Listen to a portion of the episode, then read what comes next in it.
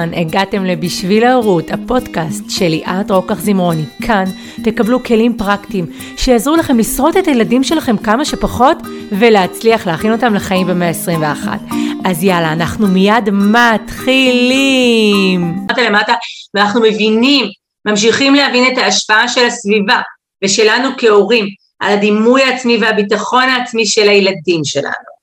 ואני רוצה רגע לחזור ולהזכיר לכולנו שבעצם דימוי עצמי זה איך אני מדמה את עצמי, איך אני תופס את עצמי. ואנחנו הולכים להבין בעצם איך אנחנו כהורים יכולים להפוך את חיי היום-יום בבית עם הילדים שלנו למעצימים ובלי לעשות שינויים דרסטיים יותר מדי. זה ככה מה שאנחנו הולכים לדבר עליו עכשיו. מה אנחנו עושים, למה אנחנו עושים, בעצם מתי אנחנו עושים כל דבר ואיך כדאי לעשות את זה. אז רגע, רגע, רגע, ולפני הכל, קחו אולי דף ועט, או תכתבו לכם אה, באייפד או בפלאפון או משהו. אני מאמינה בשביל ההורות, בשיטה שפיתחתי, שזו שיטה שאגב עובדת אה, וגם מכשירה, אני מכשירה דרכה נשות מקצוע אה, כמאמנות ילדים ונוער, כיועצות שינה, כמדריכות הורים כמובן, בהוראה מותאמת, המון המון המון תכנים מקצועיים. דרך אגב, הלימודים שלנו הם בשיתוף אקדמי של מכללת ספיר, וגם אני מדריכה ומנחה הורים, אלפי הורים, בקורסים דיגיטליים, בליוויים פרטניים עם הצוות שלנו, בכל מיני כלים שבעצם יעזרו להם לראות ולזהות איזו אסטרטגיה. אני עכשיו הולכת ללמד אתכם על שלוש, לחשוף בפניכם או לשקף לכם שלוש סוגי אסטרטגיות שונות. סוג אחד, סליחה, שלושה סוגים שונים של אסטרטגיות.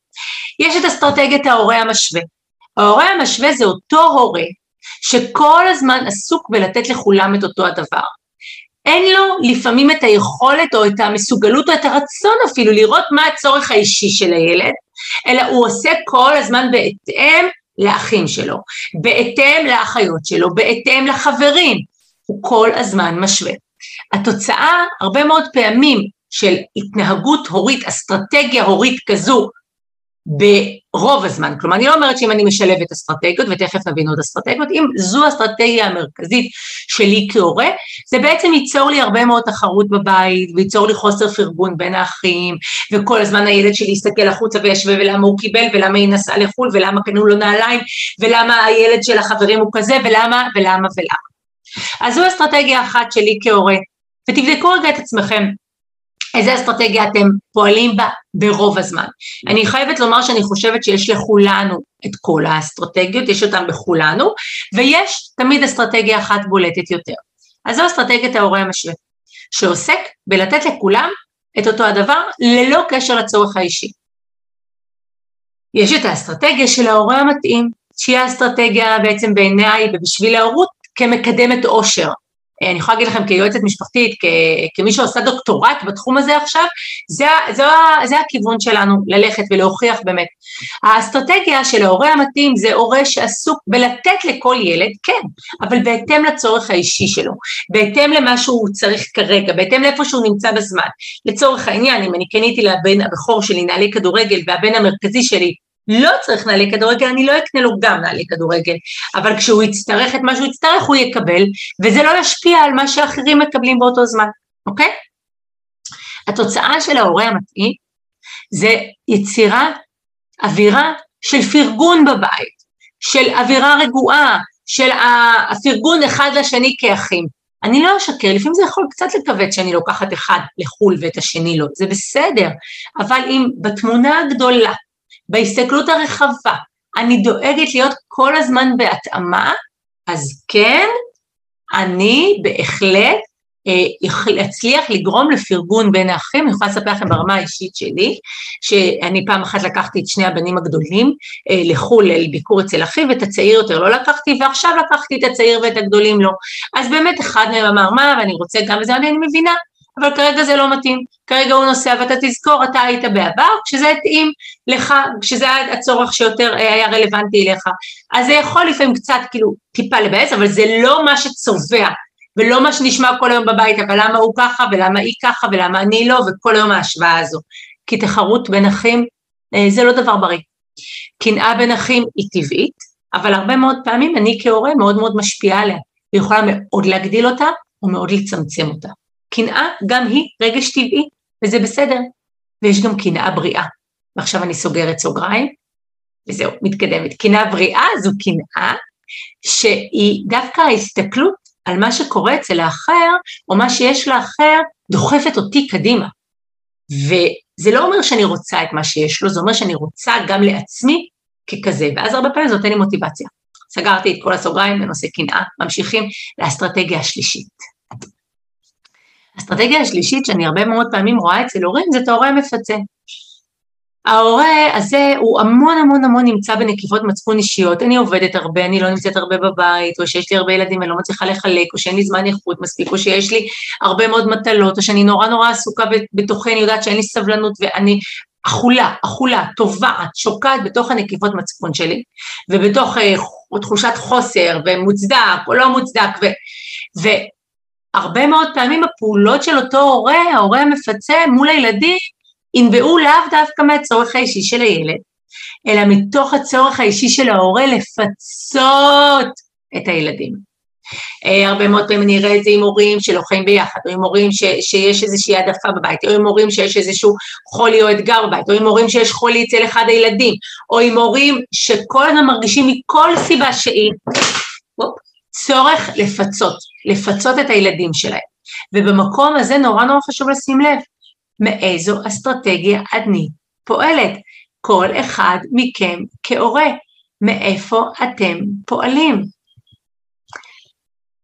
בתוך הבית יש סביבה, ומחוץ לבית יש סביבה. בפעם הקודמת לימדתי אתכם על הסביבה מחוץ לבית, איך אני עוזרת לילדים שלי ומשפיעה על ההתמודדות שלהם בסביבה מחוץ לבית, בגינה, עם החברים, בבית הספר, איזה כלים אני נותנת להם, אבל יש עוד סביבה שלמה בחיי הילדים שלנו, וזו הסביבה בתוך הבית, עם האחים, עם ההורים, בתוך המשפחה. הרבה מאוד פעמים זה עולה בהקשר של יחסי אחים ותקשורת עם אחים ומריבות בין אחים. באתר של בשביל ההורות, ככה תחפשו בשביל ההורות, ליאת רוקח זמרוני, יש לנו אתר toparents.co, www.2parents המספר 2, הכף אמצעי parents באנגלית נקודה co.il, באתר שם יש שאלון מאוד מאוד מעניין. אני חושבת שיהיה לכם אה, אה, אפשרות להיכנס אליו ולעשות בעצם שאלון שמלמד אתכם איזה הורים אתם. זה שאלון שמדבר על חמש טעויות שאנחנו עושים כהורים בכל מה שקשור במריבות בין הילדים שלנו. חמשת הטעויות הן זה שאנחנו מתערבים, זה שאנחנו עושים השוואות, זה שאנחנו מפרידים ביניהם ולא נותנים להם להתמודד, שאנחנו מתעלמים ושאנחנו הרבה מאוד פעמים פותרים להם. כל הטעויות האלה, שאני תכף ככה אפרט ביניהם, הם נוגעים ונוגעות במה שדיברתי עליו כבר, בין הצרכים שלי לצרכים של הילד שלי, בין הטווח הקצר לטווח הארוך. ואני רוצה רגע להרחיב על הטעויות הנפוצות שאנחנו עושים בבית. הילדים רבים, וכן ילדים רבים, וכן זה טבעי, וכשהבנים שלי רבים וזה כבר מוציא אותי מדעתי, הם כבר אומרים לי, אמא, מה את רוצה? זה נורא טבעי, זה נורא בריא לריב, כי אנחנו יודעים לריב ויודעים גם להשלים. הרבה מאוד פעמים המריבות של הילדים אצלי בבית בכל אופן, אה, בין האחים, לי גורמות אה, חוסר נוחות, זה מבאס אותי, זה קשה לי לראות את זה, אבל אני משתדלת להזכיר לעצמי שמה שנראה לנו עכשיו כסוף העולם ומאוד מאוד דרמטי, בדיוק בעוד שבע דקות ייעלם וישבו וישחקו ביחד וכאילו כלום, ואם אני מתערבת שם, אני גם יוצרת חיץ, אני גם הרבה מאוד פעמים תופסת עמדה, הרבה מאוד הורים נוקטים עמדה ולוקחים עמדה וממש משמשים כקטגור או סנגור, לרוב של אותו הילד, ואז מה אנחנו בעצם עושים? אנחנו נותנים להם את ההבנה או את התחושה או את המסר הסמוי שהם לא מסוגלים להתמודד לבד. כי אם אני מגנה כל פעם על אותו ילד שהוא בעיניי, במרכאות אני עושה כאן, כן, עם האצבעות שלי למעלה, במרכאות כפולות ומוכפלות, נחשב לחלש, נחשב לוותרן, נחשב למוגבל, ווטאבר, כל אחד והסיפור שלו. בעיניי. אז מה אני עושה? אני בעצם מחזקת את זה שהוא חלש יותר, או שהיא לא מסוגלת לעמוד מול אחיה או מול אחותה, ובעצם אני משרישה את התפיסה הזו, בזה שאני מתערבת ומגנה עליה, כי מי צריך הגנה? מי שחלש. אוקיי? אז זו טעות אחת שאנחנו עושים. טעות הנוספת שאנחנו עושים, שאנחנו הרבה מאוד פעמים באמת משווים ביניהם, ואנחנו צריכים לזכור, אולי הם כולם הילדים שלנו, אבל ממש הם לא אותו דבר. הם גם לא דומים לנו, הם לא דומים אחד לשנייה, הם דומים לעצמם, נקודה. הם לא השדרוג של אף אחד מאיתנו, הם עצמם. וכשאנחנו עוסקים בלי לשים לב בלהשוות אותם לאחים שלהם, לחברים שלהם, לילדים שרצינו שהם יהיו, אנחנו חוטאים להם וחוטאים לעצמנו. הילד שלנו דומה לעצמו בלבד, ואם נשווה אותו למישהו זה נשווה אותו לעצמו ולכברת דרך שהוא עשה מלפני חודש להיום, מלפני שנה להיום. זו ההשוואה היחידה שנעשה, כי תחשבו על זה. להשוות בין אנשים, הלוא אין DNA אחד זהה לאותם, לתאומים אין DNA זהה. אין טביעת אצבע דומה וזהה לאף אדם ביקום הזה. אז איך אני יכולה להשוות בין אנשים? גם אם הסיפור מבחוץ נראה לי דומה, מבנה האישיות, המיומנויות, האופי, שונה, הפרשנות של הדברים, איך שהמוח עובד, זה שונה, הם לא אותו דבר.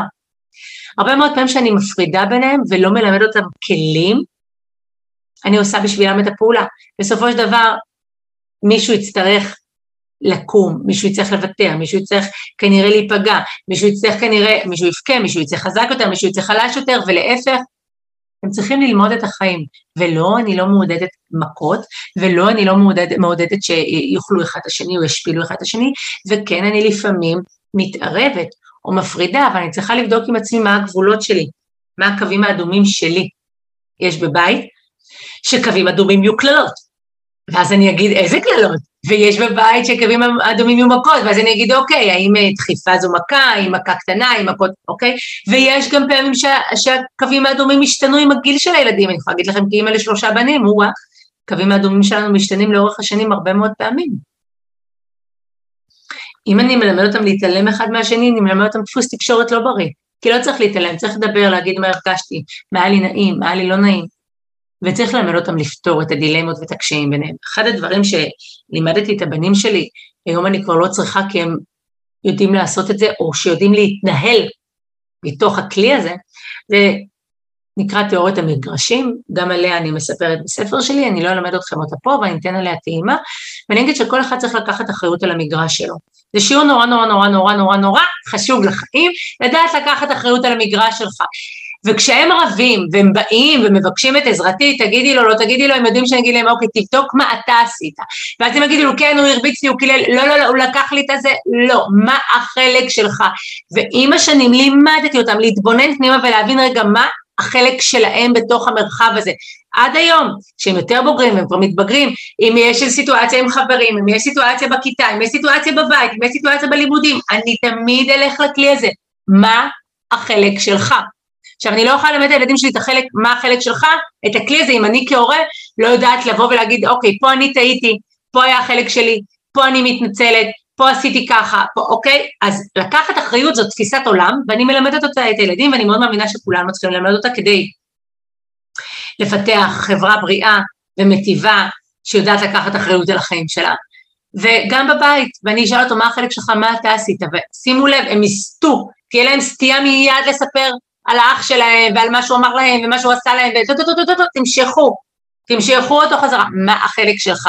ואז זה יבוא, אני מבטיחה לכם, פתאום תגיע התגלות, ואז הם יגידו, אוקיי, אני שמתי לו רגל, אני קיללתי אותה, אני ירדתי עליה, אני אמרתי לה משהו שמציק לה, אוקיי, וככה לאט לאט אנחנו מלמדים אותם גם לקחת אחריות וגם לפתור את הדיאלוג, את המריבות, את הדרמות שלהם. כי הרבה מאוד פעמים אם אנחנו שמים את הצרכים שלנו, שיש שקט, שיפסיקו לריב, אה, ש, שתהיה אווירה נעימה, שזה צורך נורא חשוב, לפני הצרכים שלהם, אנחנו לא מלמדים אותם כלים להתמודד בחיים, ולא מלמדים אותם מיומנויות, ולא מלמדים אותם שום דבר, אנחנו מלמדים אותם שאנחנו נפתור להם את הדברים, ואז הביטחון העצמי שלהם לא יוכל להיות גבוה. אתם יודעים למה? כי אין להם כלים להתמודד בחיים. וכשילד יצא החוצה, כי כל היום בבית ויתרו לו, ואימא פתרה לו, ואבא סידר לו, והוא יוצא להתמודד עם החיים, פחות בא לי לחשוב איך הוא ירגיש כשהוא יגיע בגיל בוגר, או שהיא תגיע בגיל בוגר לצבא, או לסיטואציות שונות ומבוגר, ובוגרות של מערכות יחסים, והיא לא תדע להתמודד. כי אני, אימא שלה, שמתי את הצרכים שלי בכאן ועכשיו לפני הצרכים שלה. עכשיו, זה פרדוקס גדול, כי הרבה מאוד פעמים אתם כהורים שמים את הצרכים של הילדים שלכם תמיד לפני הצרכים שלכם, וקונים להם, ועושים להם, ומוותרים בשבילם. השאלה הגדולה שלי אלינו, האם אלו הצרכים האמיתיים שלהם, האם אם נקנה להם כל מה שהם רוצים, ונפתור להם, ונמנע מהם כל סבל, ונוותר להם, אלה הצרכים האמיתיים שלהם? הרבה פעמים אנחנו חושבים שאלה הצרכים האמיתיים שלהם, אבל אלה לא הצרכים האמיתיים שלהם. הצרכים האמיתיים שלהם שנלמד אותם להתמודד, שנלמד אותם לקחת אחריות, שנהיה שם כשהם בוכים או לא מצליחים או נכשלים, שנהיה שם כשהם כן מצליחים, שנתקשר איתם, שנלמד אותם לבחור נכון, שנלמד אותם שיקול דעת, שנלמד אותם מה נכון ומה לא נכון, שנלמד אותם לקבל החלטות מתוך הבנה של ההשלכות של התוצאות של הדברים שלהם, זה מה שהילדים שלנו צריכים באמת. ואם את זה אתם עושים, שאפו עליכם.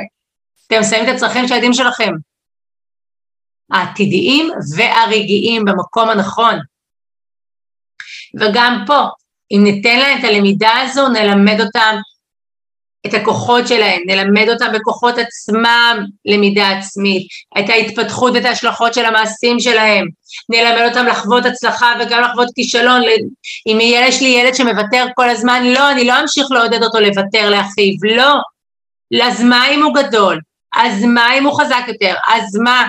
זה לא אומר שהוא צריך לוותר, אני לא רוצה לגדל אותו מרצה, כי היום הוא מוותר לאחיו ומחר הוא יוותר בחוץ, ולא תמיד, לוותר זה חשוב, לפעמים. להתפשר זה חשוב, לפעמים. אבל אם הילד שלי סופג ויונק את זה כל הזמן, זה הופך להיות האסטרטגיות חיים שלו, כמוותר, כמרצה, ואז הוא גודל להיות אדם כזה, ונורא נורא קשה לשנות, מי כמוכם וכמוני יודעים, שקשה לנו לשנות את הדפוסי המחשבה שלנו ואת האמונות שלנו. אגב, דפוסי המחשבה שלנו והאמונות שלנו, בסופו של דבר, יושבים על האסטרטגיות שלנו, וזה משהו שקל לשנות. אז אני מזמינה אתכם לאתר ולגלות שם איזה סוגי הורים אתם, איזה, אם אתם הורה מברר או הורה משער, יש שם גם את השאלון של היחסי אחים, ואני מזמינה אתכם לזה. בחלק הבא אני ממש הולכת לדבר על הכלים והמיומנויות שהילד רוכש בבית, ואיך כדאי לי ולכם ולנו כהורים לנהוג כדי לחזק את הדימוי העצמי והביטחון העצמי שלו.